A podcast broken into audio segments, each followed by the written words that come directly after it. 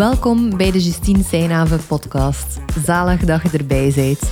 Met deze podcast help ik groeiende en ambitieuze ondernemers om premium klanten aan te trekken en om zo hun omzet en vrije tijd minstens te gaan verdrievoudigen. In de podcast ga je onder andere verhalen horen over het ondernemerschap, kritische vragen om te helpen je business sterker te maken en heel veel tools om zowel je money mindset te verbeteren als het high-end businessmodel te beginnen hanteren. Welkom dus en veel luisterplezier.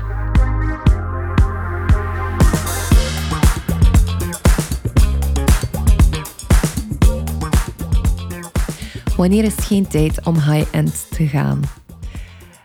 Het high-end model is eigenlijk het model dat ik uh, aan mijn klanten in de Triple Your Wealth Mastermind leer waarbij ze leren om een hoogwaardig aanbod te gaan verkopen met een bijpassend prijskaartje. Dat kan gaan van 5000 tot 10.000 tot eigenlijk kun je daar ja, waarschijnlijk naar de miljoenen gaan. Ik heb het zelf nog niet gezien, de miljoenen, maar wel al een aanbod van 75.000 verkocht zien worden.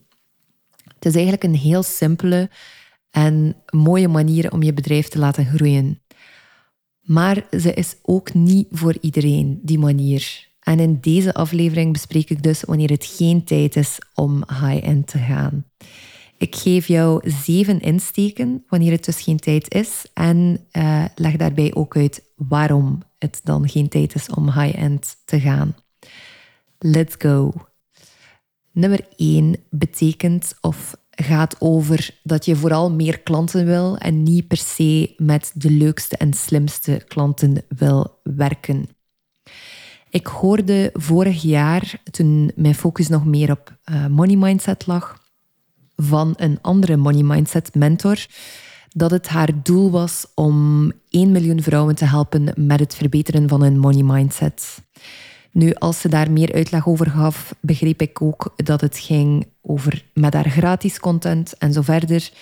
Maar toen ze het uitsprak, brak het angstzweet mijzelf al uit. Um, want ik ben zelf heel gefocust op het zo klein mogelijk houden van mijn klantenbasis, maar wel zo sterk mogelijk. Eigenlijk wil je jezelf bij het high-end ondernemen in een positie zetten waarbij je zelf kunt kiezen met wie je samenwerkt. En als je zelf kunt kiezen, als je zelf uit de bovenkant van de markt kunt kiezen, en dus met mensen werkt die al een bepaalde weg hebben afgelegd in het ondernemerschap of binnen jouw veld. Bijvoorbeeld, stel dat je mensen helpt afvallen, dan hebben ze waarschijnlijk al een keer Weight Watchers gevolgd. Ze hebben misschien al intuïtief eten geprobeerd en zo verder. En dan kun jij hen jouw oplossing aanbieden dan werk je eigenlijk met de bovenkant van de markt, die dus al van alles geprobeerd heeft en die heel vaak ook al bepaalde skills heeft die de rest van de markt nog niet heeft. Dus je kiest er zelf gewoon de leukste, de slimste, de coolste klanten uit om te helpen. En op die manier ga je een grote impact maken.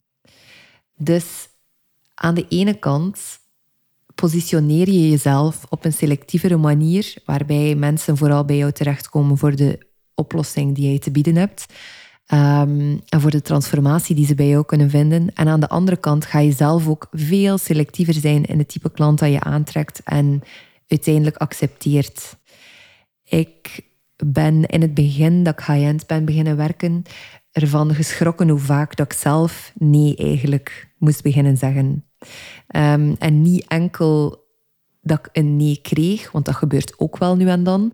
Maar vooral dat ik zelf dus de nee moest uitspreken, omdat ik voelde, die persoon heeft nog niet de skills dat ik nodig heb om mee verder te kunnen groeien, om de impact te kunnen maken dat ik beloof ook. Moest ik die klant aannemen, dat zou ik in mijn eigen vingers snijden.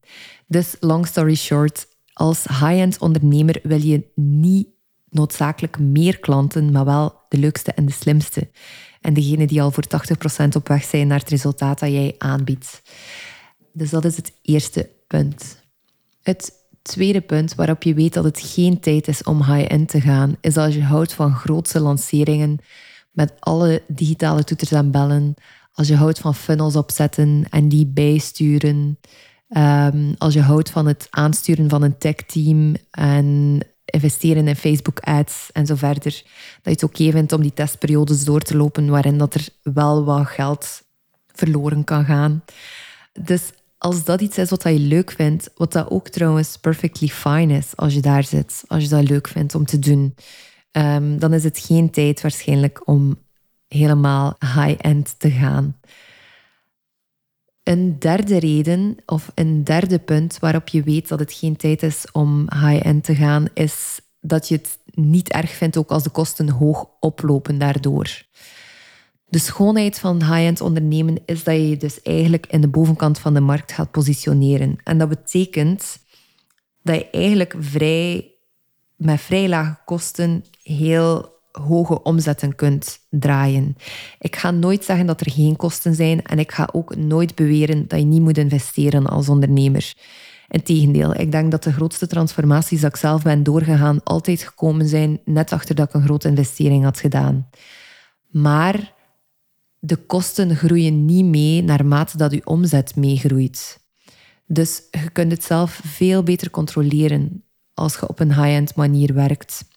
Of je kunt je winstmarge veel beter controleren. En um, het is dus geen tijd om high-end te gaan als je het niet erg vindt als die kosten blijven hoog oplopen. Uh, stel bijvoorbeeld dat je een nieuw teammember wilt aanvaarden, dan gaat je omzet vanzelfsprekend wel omhoog gaan, maar dan, gaat je, um, dan gaan je kosten ook sowieso omhoog, omdat je die persoon wilt betalen en waarschijnlijk ook goed wilt betalen. Dus dat was eigenlijk een derde punt waarop dat je weet dat het geen tijd is. Nummer vier is als kwaliteit eigenlijk niet in de top 5 staat van je bedrijfswaarden. Bij high-end ondernemen ligt de focus heel sterk op de hoogwaardigheid van uw aanbod. De ervaring dat uw klant heeft bij u. De manier waarop ze zich gezien en gehoord voelen. En de kracht van uh, je coaching of de transformatie dat je aanbiedt. En als dat eerder bijzaak voelt voor jou, dat je zegt van ik wil mensen wel iets bijleren, maar dat hoeft niet per se het allerbeste of het allerinteressantste of het allerspecifiekste te zijn, dan is het eigenlijk ook geen tijd om high-end te gaan in je bedrijf. Dus die kwaliteit, die focus op je klant, de mate waarin je er wilt zijn. Wat dat niet betekent dat je trouwens al je tijd gaat verkopen. High-end betekent niet puur één op één werk. Integendeel. In mijn traject bijvoorbeeld zit er in totaal, ik denk als het vijf uur puur één op één is, zal het veel zijn. Dus het is niet noodzakelijk um, dat er veel één op één in zit, maar je wilt wel dat de kwaliteit top is. En dat de kwaliteit top is, betekent trouwens ook niet dat het perfect hoeft te zijn, maar het moet wel krachtig zijn en eigenlijk het resultaat opleveren. Dat is het allerbelangrijkste. Je wilt het resultaat opleveren voor je klant waar hij of zij of ze naar zoeken. Nummertje vijf is dat je wel graag impact wilt maken, maar het is niet de bedoeling om de grootst mogelijke transformatie te leveren. Bij high-end ondernemen gaan we eigenlijk jouw grote belofte samen gaan onderzoeken. Of de grote belofte die jij kunt maken naar je klanten toe. Uh, dat is iets wat ik samen met mijn mastermind klanten doe, altijd in het begin tijdens de kick-off. En we gaan daarbij echt gaan kijken naar het grootst mogelijke resultaat. Dus als jij zoiets hebt van ik wil wel impact maken en ik wil wel een verschil maken, maar het is net als bij de kwaliteit, dat je zowel wat tips wilt geven, maar niet per se all-in wilt gaan, dan is het geen tijd om high-end te gaan. Omdat het echt wel de bedoeling is, als je een hoogwaardig aanbod verkoopt van pakweg 30.000 euro, dat er wel ook een grootste transformatie bewerkstelligd wordt. En als je die niet kunt nakomen, of als je in eerste plaats al die belofte niet maakt, dan komt er sowieso al geen zo'n resultaat. Maar als het niet jouw ambitie is om dus de grootst mogelijke resultaten te gaan leveren voor je klanten, dan is het geen tijd om het high-end model te hanteren. Een zesde punt of moment waarop dat je weet dat het daar geen tijd voor is, is dat je eigenlijk niet per se zin hebt om te verbinden met je potentiële klant. En misschien klinkt dit een beetje droog, maar verbinding is iets heel belangrijks als het gaat over een hoogwaardig aanbod verkopen. Hoe hoger de prijs, hoe psychologischer het salesproces wordt.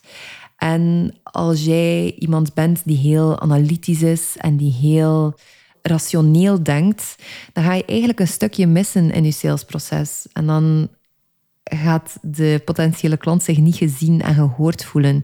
En u al zeker niet voldoende vertrouwen om 30.000 euro in u te investeren.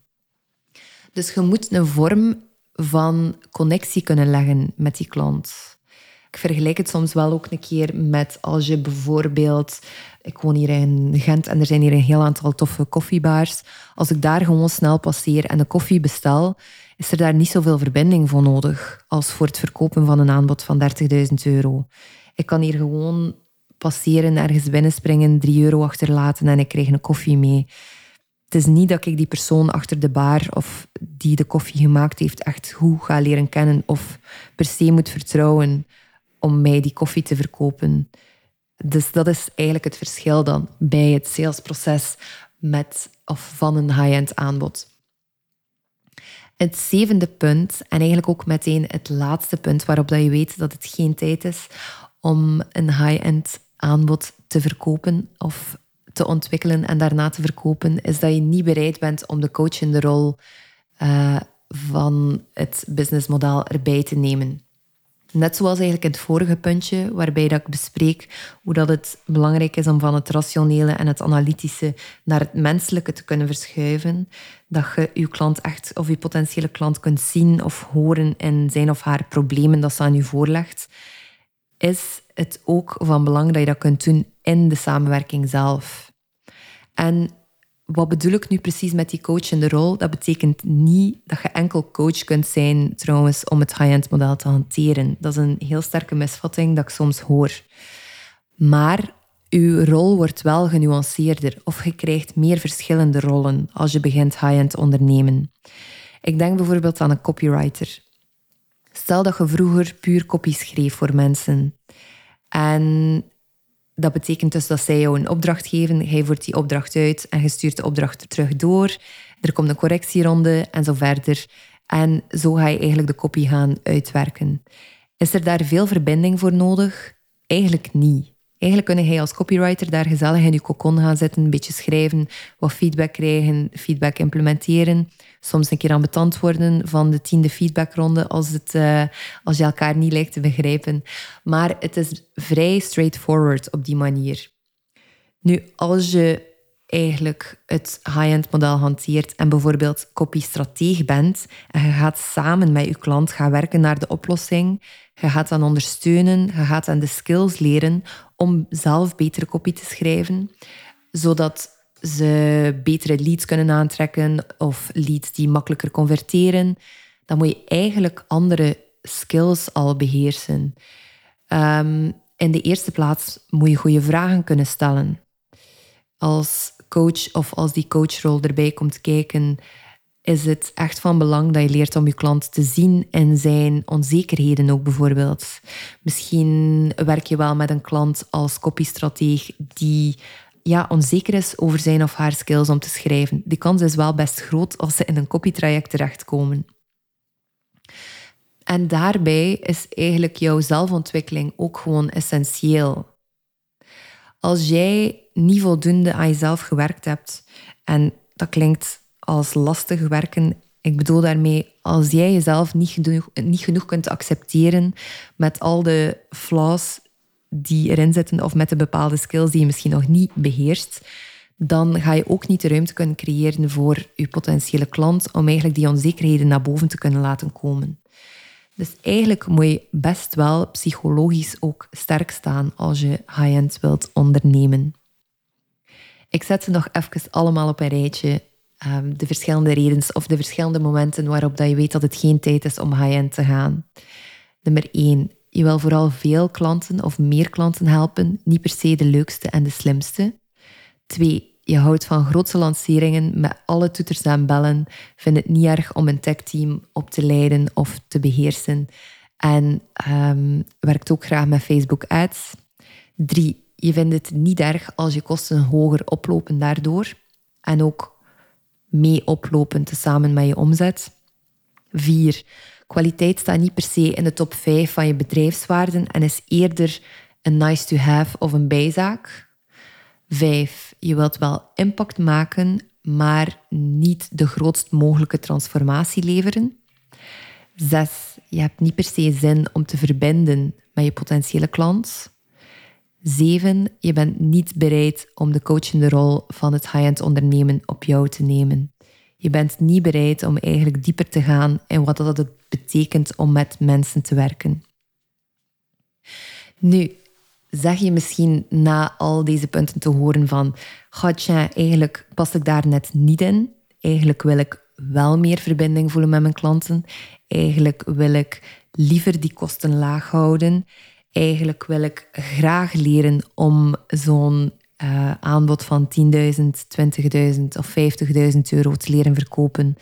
En dat eigenlijk ook op mijn gemak te doen.